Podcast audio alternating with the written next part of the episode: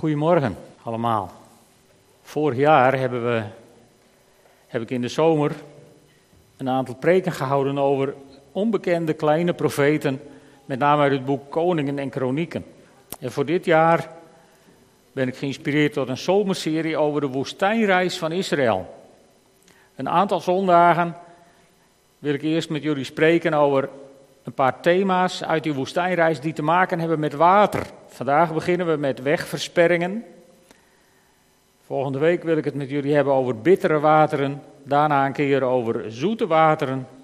En dan over droge tijden. En dan tenslotte wil ik nog met jullie hebben over vijanden en over verleidingen. Allemaal aan de hand van het verhaal van de woestijnreis van het volk Israël. En als u denkt, ja, maar ik wil daar niet één van missen, ze zijn via de website natuurlijk allemaal te beluisteren als u met vakantie bent geweest. Dus vandaag wegversperringen. En u, eh, ja, het, het verhaal wat ik als basis gebruik, dat staat in Exodus 13, vanaf vers 17 tot het eind van hoofdstuk 14. Dat ga ik niet helemaal lezen, want dat is een heel lang eind.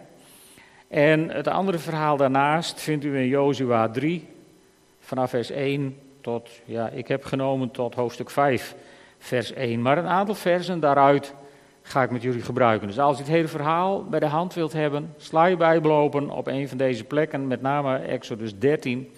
En dan uh, gaan we daarmee aan de slag. In vers 17 en 18, dus dat, dat stuk in Exodus, dat begint als volgt. Toen Farao het volk had laten vertrekken, leidde God hen niet langs de weg die door het gebied van de Filistijnen loopt. Dat was de kortste route. God dacht namelijk, als ze, de als ze strijd zouden moeten leveren, konden ze wel een spijt krijgen en teruggaan naar Egypte. Daarom liet hij het volk een omweg maken en door de woestijn naar de Rietzee trekken. De Israëlieten waren als een geordend leger uit Egypte weggetrokken. Dus, dus God leidt het volk niet langs de logische route. Het was helemaal niet zo ver uit Gozen naar het land Canaan. Dat had in een paar dagen gepiept kunnen zijn. Gewoon langs de Middellandse Zee, huppakee, op weg naar je plek. Maar ja, daar woonden de Filistijnen. Dat was natuurlijk een lastig probleem. En, en God had ze wel door. God, God wist wat er zou gebeuren. Het hele, het hele verhaal van de woestijnreis lees je voortdurend over het gejammer. Oh, was ik maar bij de vleespotten van Egypte gebleven. En dat zag God aankomen kennelijk. En dus dacht hij, nou ze moeten niet meteen in de strijd terechtkomen met de Filistijnen, want dan gaan ze weer terug. Dus leidde God hen in een andere route. En bracht hij ze voor een enorme wegversperring, de Rode Zee. Dit is niet dezelfde gedachte als dat God ziekte of dood of, of invaliditeit of andere ernstige zaken in een mensenleven zou, zou sturen om iemand een lesje te leren. Die gedachte is dit absoluut niet. Want aan dit verhaal gaat geen enkele Israëliet dood. Er werd zelfs geen enkele Israëliet van ziek. Het was zelfs geen onoverkomelijk probleem, want God loste het voor ze op en ging met ze er doorheen. Dat moet je goed voor ogen houden. Zo'n soort wegversperring is het. En dan het volgende vers waar ik even met jullie bij stil wil staan is vers 3. Eigenlijk het, het hele verhaal, het hele verhaal in Exodus, dat zou je eens helemaal moeten lezen. Maar ik pak even vers 3 eruit. De farao zal denken dat jullie de weg zijn kwijtgeraakt en de woestijn niet meer uit kunnen komen. Dit, dit is heel bijzonder. Alle koningen en alle vorsten waar het volk Israël mee te maken krijgt in het hele Oude Testament, die worden allemaal bij naam en toenaam genoemd. Alleen in het boek Exodus gaat het consequent over de farao. Hij krijgt geen naam. Geschiedkundigen hebben daar hun hoofd over gebroken, wie het wel niet geweest zou kunnen zijn. Maar ik ben momenteel een boek aan het lezen van Christopher Wright, The Mission of God. Ongelooflijk boeiend, vind ik tenminste. En, en Christopher Wright die, legt dat ja, heel indringend uit. Hij zegt: Het gaat hier niet om een persoonlijke vete tussen God en een of ander mens. Daarom krijgt hij ook geen naam. Het gaat om de strijd tussen God en het systeem. De farao in Egypte werd aanbeden als God, achtte zichzelf ook God, het hoogste wezen in het universum. En daar hing een heel systeem van afgoderij en occultisme en, en dingen aan die God verfoeide. En de strijd in Exodus die gaat ten diepste tussen God en dat systeem. Dus de farao, het gaat niet om de mens die deze positie had, het ging om het systeem.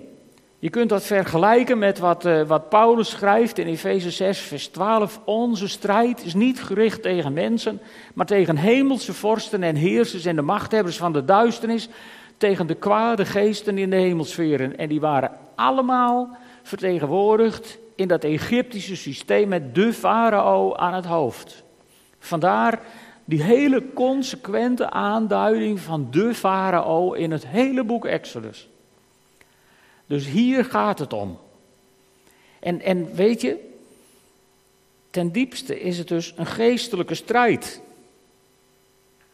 En als zodanig weten wij ook dat de uitslag bij voorbaat vaststond. Want, we kijken even verder, in vers 13, daar zegt, daar zegt Mozes tegen de Israëlieten, wees niet bang. Wacht rustig af, ze zijn namelijk in paniek geraakt. En, en dat kun je je levendig voorstellen. Je bent net uit Egypte, je denkt, yes, we hebben de vrijheid te pakken. Dan leidt God je naar de Rode Zee. Daar sta je dan, voor je alleen maar water en achter je alleen maar Egyptenaren. En die laat God ook nog heel dichtbij komen. Ik zal straks laten zien waarom God ze heel dichtbij liet komen. Dat was namelijk belangrijk. Dus daar sta je dan en, en, en, en dan komt Mozes en die zegt, nou, wees niet bang wacht rustig af. Ja, goedemorgen. Dat is makkelijk praten. Want ze zagen de dood in de ogen, dachten ze. Maar dan zegt Mozes, dan zult u zien hoe de Heere vandaag voor u de overwinning behaalt. Geestelijke les. Heel vaak, als wij rustig blijven en ons vertrouwen op God blijven stellen, gaan we zien hoe God de overwinning voor ons behaalt. Maar dan moeten we wel blijven zien.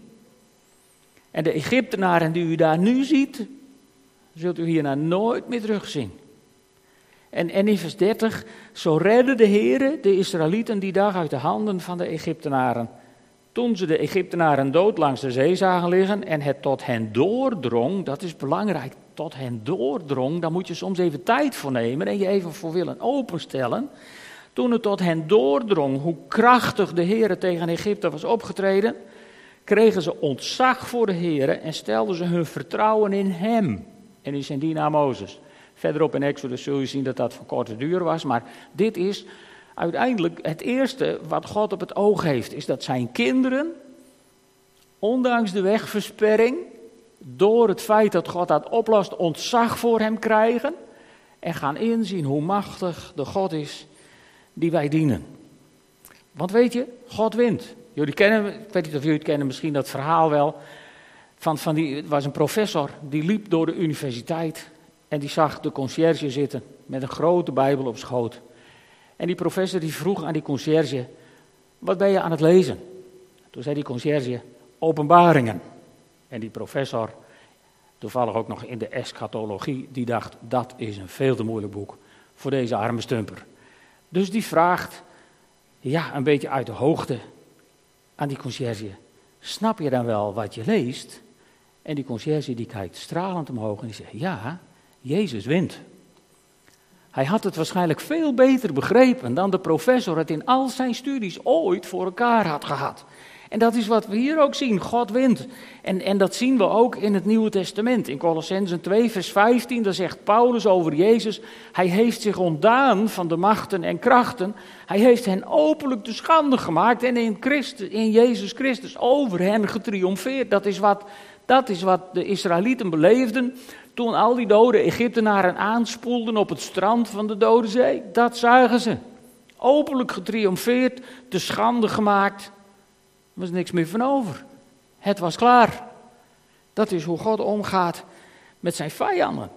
En, en, en je ziet dat ook in het verhaal van, van Jozua, wat we hebben gelezen. Als, als de Israëlieten door de Jordaan zijn getrokken, hè, want, want God brengt de tweede keer voor de wegversperring het volk Israël voor de Jordaan.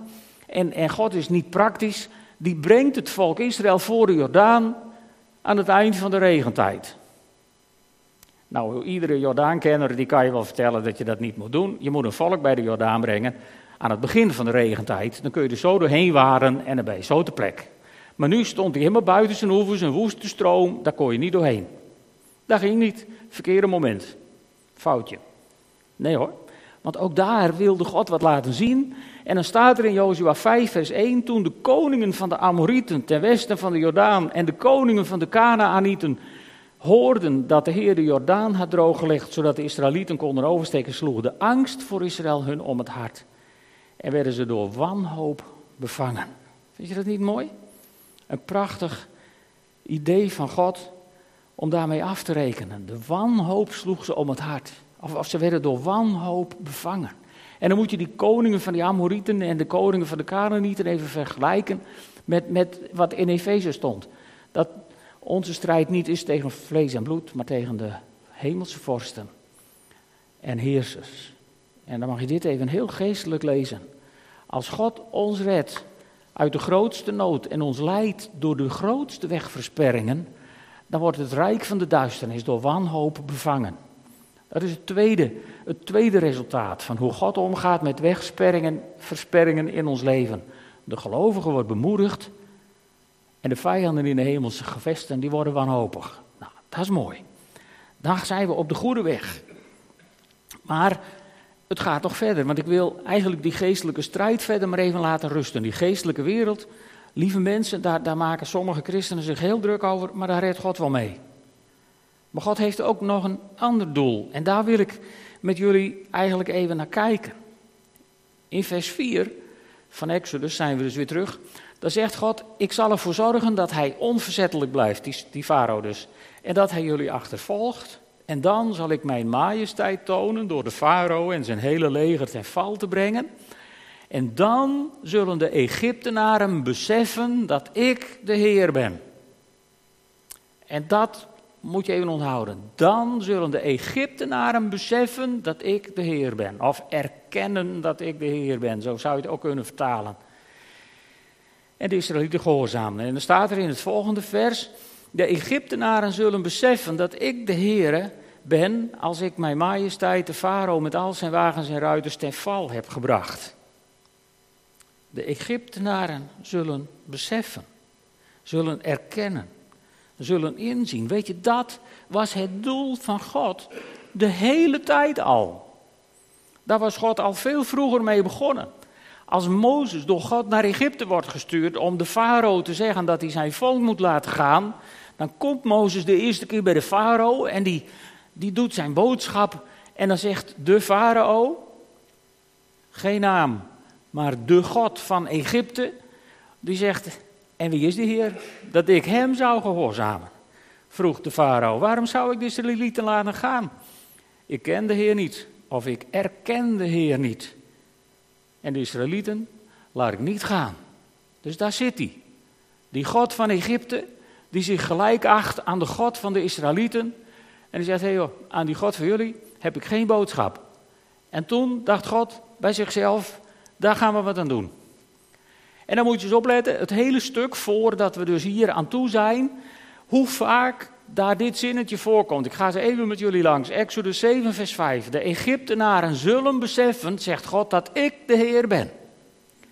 En in vers 17, daarom zo zegt de Heer, zal hij u laten zien wie hij is, zegt Mozes daar tegen de farao na een van de eerste plagen en na een van de volgende plagen, dan zegt hij tegen Farao, dan zult u beseffen dat er niemand is als de Heere onze God. Dus er zit ook nog een opbouw in dit verhaal.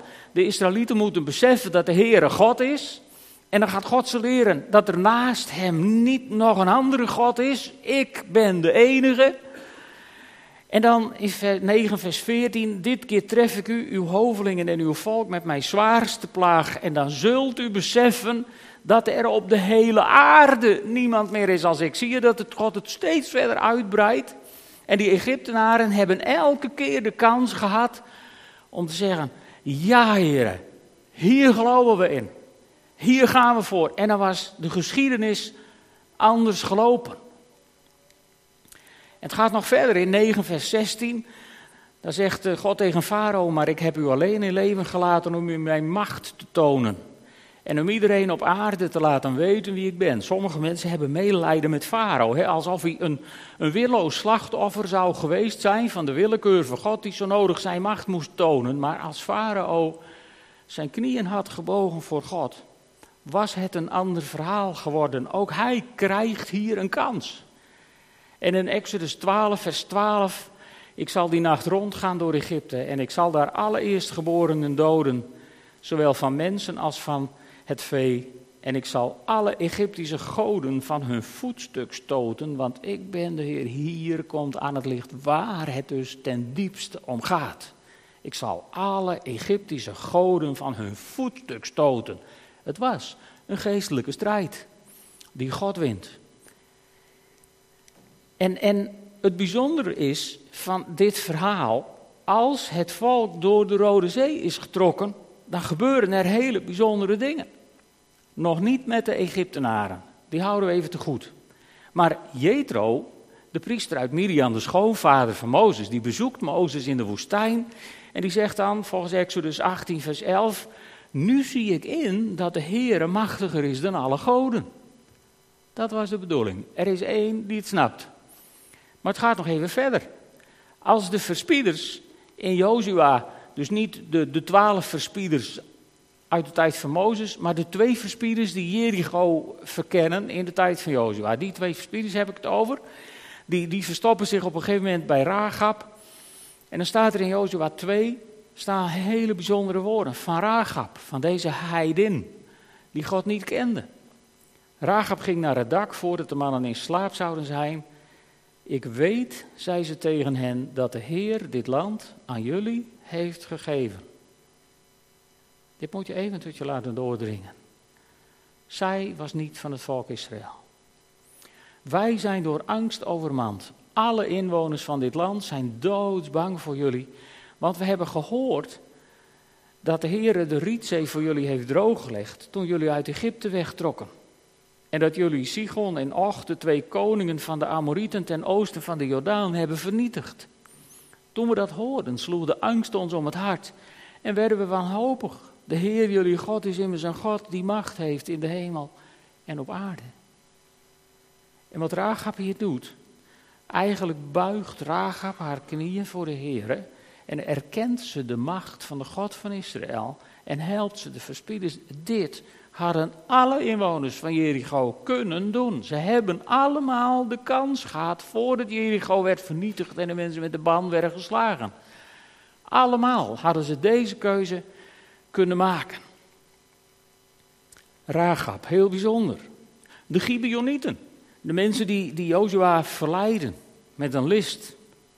Die komen bij Jozua en die zeggen nieuw dienaar en komen uit een zeer ver land. De naam van de Heere, uw God, heeft ons hier gebracht, want zijn roem is tot bij ons doorgedrongen. Wij hebben gehoord wat hij allemaal in Egypte heeft gedaan. Dus ook die wisten het al. En dan nog één over de Filistijnen. Dan zijn we in het begin van Samuel aangeland, waar het volk Israël de ark heeft verspeeld. De Filistijnen hebben de ark veroverd en die hebben ze meegebracht en in de tempel van hun God gezet. Nou, dat heeft die arme Dagon geweten, hè, want ze zetten de ark voor het beeld van Dagon. Volgende morgen ligt hij plat op zijn snuit voor de ark. Maar goed, de Filistijnen, zo moet je moet een beetje goed voor je God zijn, die helpen hun arme God weer overeind, zetten hem weer te plek. En de andere dag is hij zijn hoofd, zijn handen en zijn voeten kwijt. Is hij helemaal in puin.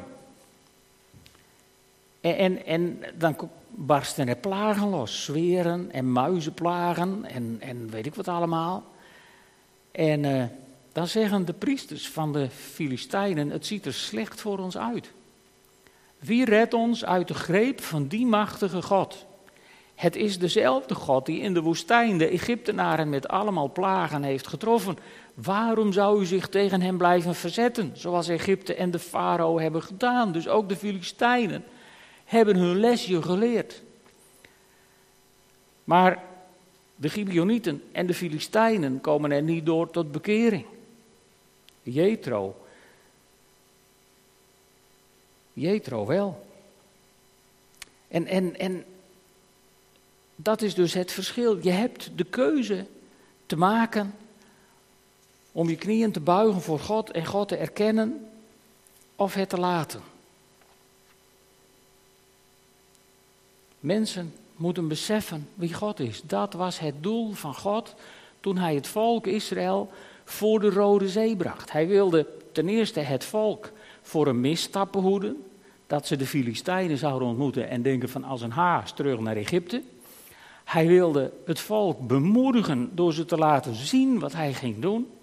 En hij wilde, hij wilde de geestelijke machten van Egypte openlijk te schande maken en tentoonstellen. En hij wilde dat de Egyptenaren hem leren kennen. En niet alleen de Egyptenaren. Waarom is het nou zo belangrijk? Waarom wil God nou dat mensen hem leren kennen? In Jozua 4, vers 23, daar staat, want de Heer jullie God heeft de Jordaan voor jullie drooggelegd, totdat jullie waren overgetrokken, zoals hij ook de Rietzee voor ons heeft drooggelegd, totdat we die waren overgetrokken, zegt Jozua. Want alle volken op aarde moeten weten hoe machtig de Heere jullie God is. En jullie moeten altijd vol ontzag voor hem zijn. Waarom moesten nou al die volken dat weten? Had God niet genoeg aan Israël? Waarom al dit gedoe? Is God een macho-figuur? Zo van kijk eens wat ik allemaal kan? Of is God narcistisch, zo van spiegelt hij, aan de wand? Nee, natuurlijk niet. Zo is God niet. Gods bedoeling is dat alle mensen de kans krijgen om Hem te erkennen als hun Heer, opdat ze hun knieën voor Hem zouden buigen en gered worden voor de eeuwigheid. Dat is het ultieme doel van God met deze wereld. Het redden van de mens, het redden van zijn schepping. En het verzoenen met Hem. Alles wat er door de zondeval is misgegaan, weer rechtzetten. Zodat het allemaal terugkomt bij de oorspronkelijke bedoeling van God. Dat is waar het God om draait. En als de mensen ervoor kiezen om God, de God van Israël te aanvaarden, te erkennen en te kennen, zal dat hun tot redding zijn. En dat is het doel van God. En, en, en dat staat in Jesaja. Je moet eens in Jesaja gaan lezen. Er staan prachtige dingen in. Jesaja 54. De heilige van Israël zal je bevrijder zijn. Men noemt hem God van de hele aarde. Niet alleen de God van Israël. En in Jesaja 43 vers 11. Ik, ik ben de Heer. Buiten mij is er niemand die redt. Zie je het? Dit is de core business van God. Redden. Daarvoor stuurde hij zijn zoon naar deze wereld. Om het ultieme offer voor ons te brengen, om de, de, de weg naar God voor ons te herstellen, om ons te redden. Redden, dat is het enige werkwoord, volgens mij, in het werkwoordenboekje van God. Redden. Redden. Alles wat gered kan worden, redden. En, en, en zo wordt Ragab gered. En zij wordt in Hebreeën 11, vers 31 een van de geloofshelden genoemd. Door het geloof dat daar is Ragab de hoer niet met de ongehoorzamen omgekomen. Daar zij de verspieders met vrede had opgenomen. Maar, maar er staat zo'n raar woord tussen. De ongehoorzamen. Daarbij denken wij altijd aan gewoon mensen die niet precies doen wat God wil. Maar dat is niet de betekenis van het woord wat, wat in Hebreeën wordt gebruikt. Daar wordt het Griekse woord apaitheo gebruikt.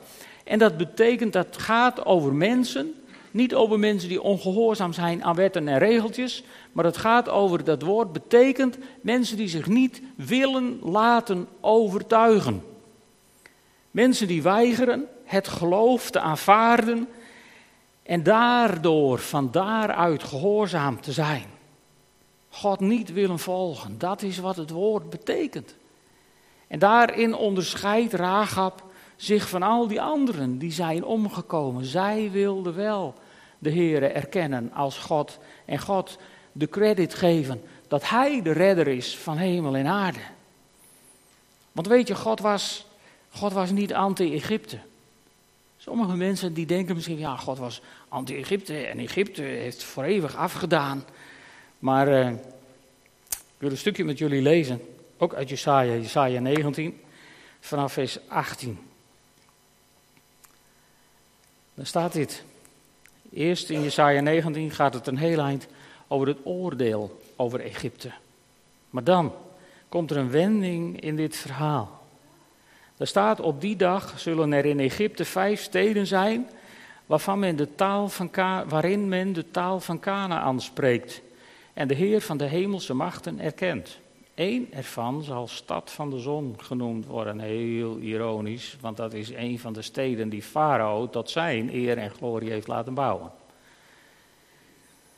Op die dag zal er midden in Egypte een altaar voor de Heer staan en aan de grens een aan hem gewijde steen, die als teken zullen dienen om de Heer van de hemelse machten aan Egypte te herinneren.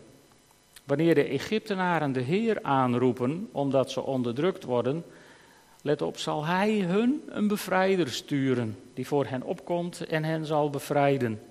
Zo zal de Heer zich aan Egypte laten kennen. Op die dag zullen de Egyptenaren de Heer erkennen en hem dienen met vredeoffers en graanoffers, hem geloften doen en die inlossen. De Heer zal hen slaan en hen helen. Zij zullen naar hem terugkeren. Hij zal hun gebeden verhoren en hen genezen. Op die dag zal er een weg lopen van Egypte naar Assyrië. Dan zullen de Assyriërs naar Egypte komen en de Egyptenaren naar Assyrië en samen zullen zij de Heer dienen. Op die dag zal Israël zich als derde bij Egypte en Assyrië voegen tot zegen voor de hele wereld. Want de Heer van de hemelse machten zal hen zegenen met de woorden: Gezegend is Egypte mijn volk en Assyrië het werk van mijn handen en Israël mijn bezit. God is niet anti-Egypte. God is niet anti-Syrië. God is niet anti-islamitische staat. God is niet anti welke mensen dan ook. God is alleen anti de systemen die zijn goddelijkheid proberen te ondergraven en die voor hem een alternatief proberen te bedenken. Maar kun je je voorstellen als je op dit moment naar het Midden-Oosten kijkt, dat er een weg zal zijn van Syrië of Assyrië, eigenlijk dus meer nog van Irak via Israël naar Egypte? En dat Irak en Egypte naar elkaar toe zullen reizen, de Heer zullen erkennen en dat Israël zich bij hen zal voegen tot zegen voor de hele wereld. Snap je nu waarom de hel losbarst in het Midden-Oosten? Want de machten in de hemelse gewesten, die weten dat dit gaat gebeuren. En volgens mij brengen die alles in het geweer om dit te voorkomen. Maar er komt een dag dat dit gaat gebeuren. Daarom kunnen we niet hard genoeg bidden voor Israël, maar moeten we ook niet vergeten te bidden voor Irak, voor Syrië, voor Egypte. Want het is apart. Israël had twee aardsvijanden die ze altijd naar het bestaan hebben, die altijd hun bestaan hebben bedreigd: Egypte en Assyrië. En juist deze twee, zegt God, die ga ik verenigen en dan zal Israël zich bij hen voegen. En samen zal dat een zegen zijn voor de hele wereld.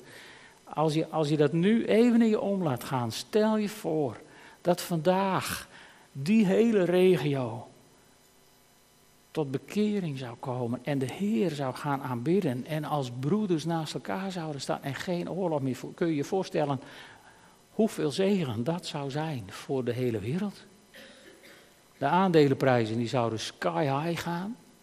De olieprijzen die zouden heel ver onderuit gaan. We rijden praktisch voor niks. En dan heb ik het alleen maar over een paar materiële zegentjes. Maar kun je je voorstellen wat dat voor de wereld zou betekenen? En weet je, het staat in het woord van God. En ik geloof dat het gaat gebeuren. En daar liggen nog massieve wegversperringen. Maar zoals de hele Rode Zee voor God geen probleem was. Toen de Israëlieten ervoor stonden, dachten ze: hoe moeten we dit hebben? En God blaast een keer en ze kunnen er met droge voeten doorheen, met z'n allen. En God met ze mee. En als ze voor de Jordaan komen, Ik ben ervan overtuigd dat heel veel Israëlieten hebben gedacht van nou, laten we hier eerst maar eens een half jaartje rustig aan doen tot het water is gezakt. En God zegt nee hoor, en die keert het op en ze gaan met droge voeten erdoor. Welke wegversperring er in jouw leven ook is of mag komen. Welke wegversperring misschien God ook toelaat in je leven. Punt 1 is het nooit bedoeld om je ergens voor te straffen. Het is bedoeld om je te bemoedigen, om je te laten zien hoe God er met je dwars doorheen gaat. Zo toont Hij zijn grootheid in jouw leven. En dat bemoedigt niet alleen jou, dat bemoedigt ook anderen. Of het maakt ze op zijn minst nieuwsgierig naar die God die zulke wonderen doet in mensenlevens. En als mensen die grootheid van God zien, krijgen ze de kans om zelf keuzes te maken. Want het is Gods ultieme doel om zich te laten kennen, opdat mensen zich aan Hem toevertrouwen en gered worden. Petrus die vat deze boodschap op een hele bijzondere manier samen.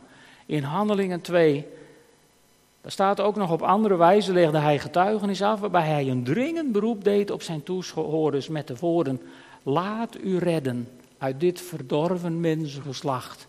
En, en dat betekent niet dat de mensen die toen stonden te horen verdorvener zouden zijn dan wij. Als Petrus het heeft over dit verdorven mensengeslacht, dan heeft hij het over dit in zonde gevallen, door de zondeval corrupt gemaakte ras, zeg maar, deze, deze wereld, dit systeem. En God doet een klemmend beroep. Zoals hij dat ook op ons heeft gedaan. Op de hele wereld, laat je redden. Laat je redden.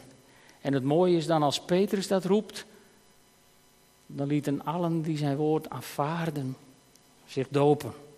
Heel bijzonder. Ogenblikkelijke reactie.